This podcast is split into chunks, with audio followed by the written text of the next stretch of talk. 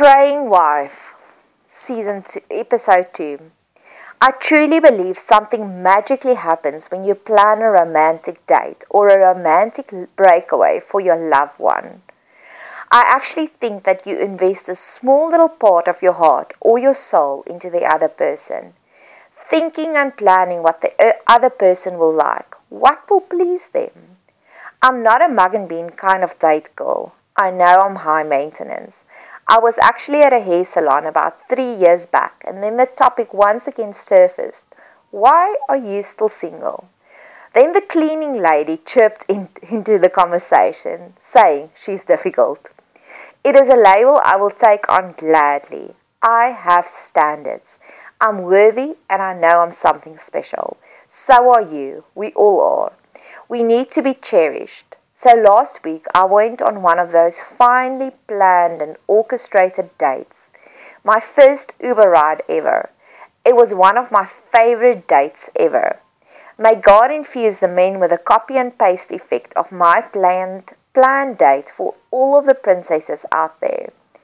I've recently heard that the reason why we give why we have to give testimonies is because of the root of the word testimony is for God to do it again. Editor's note. While I was writing the script for this podcast, the song from James actually played on the radio. I listened to LM Radio a huge shout out to LM Radio, all the way from Maputo, Mozambique, for your fantastic playlist. Also providing me with the source of inspiration in the music stream. While I was listening to this song, I said a little prayer to God. Please, God, restore the passion again in our marriages and in our relationship, just like the song James laid.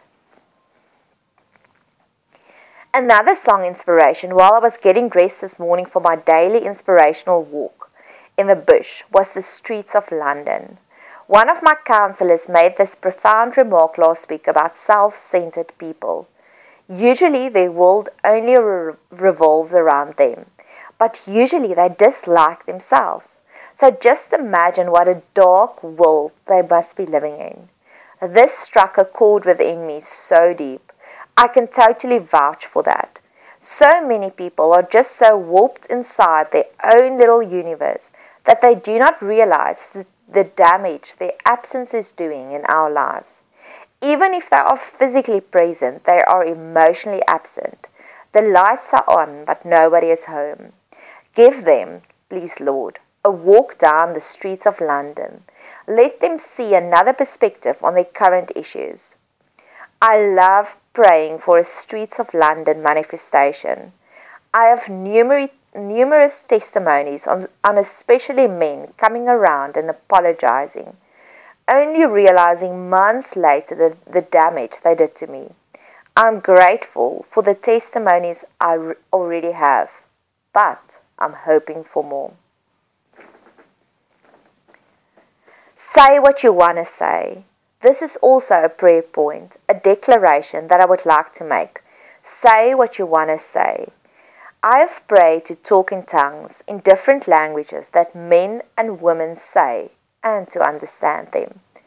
They say men are from Mars and women are from Venus. I want to speak Martianese. I want to understand what is the attention, the agenda, the heart, the meaning behind the words they say. I love the fact that Jesus, with his first public st- sermon, gave his mandate.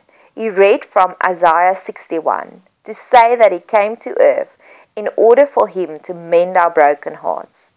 I have so many times prayed, Please, Lord, let every man entering my life reveal their true mandate in my life.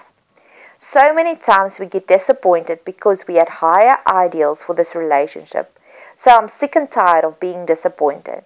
Now I want and declare that God will reveal to me the true agenda of them in my life. Secondly, I also want to understand the subtitles with their messages. I have this one friend staying abroad, abroad, abroad, overseas. You will daily share random little jokes with me. I asked one of my friends about this. She shed some lights on these random little jokes. So I would like to understand.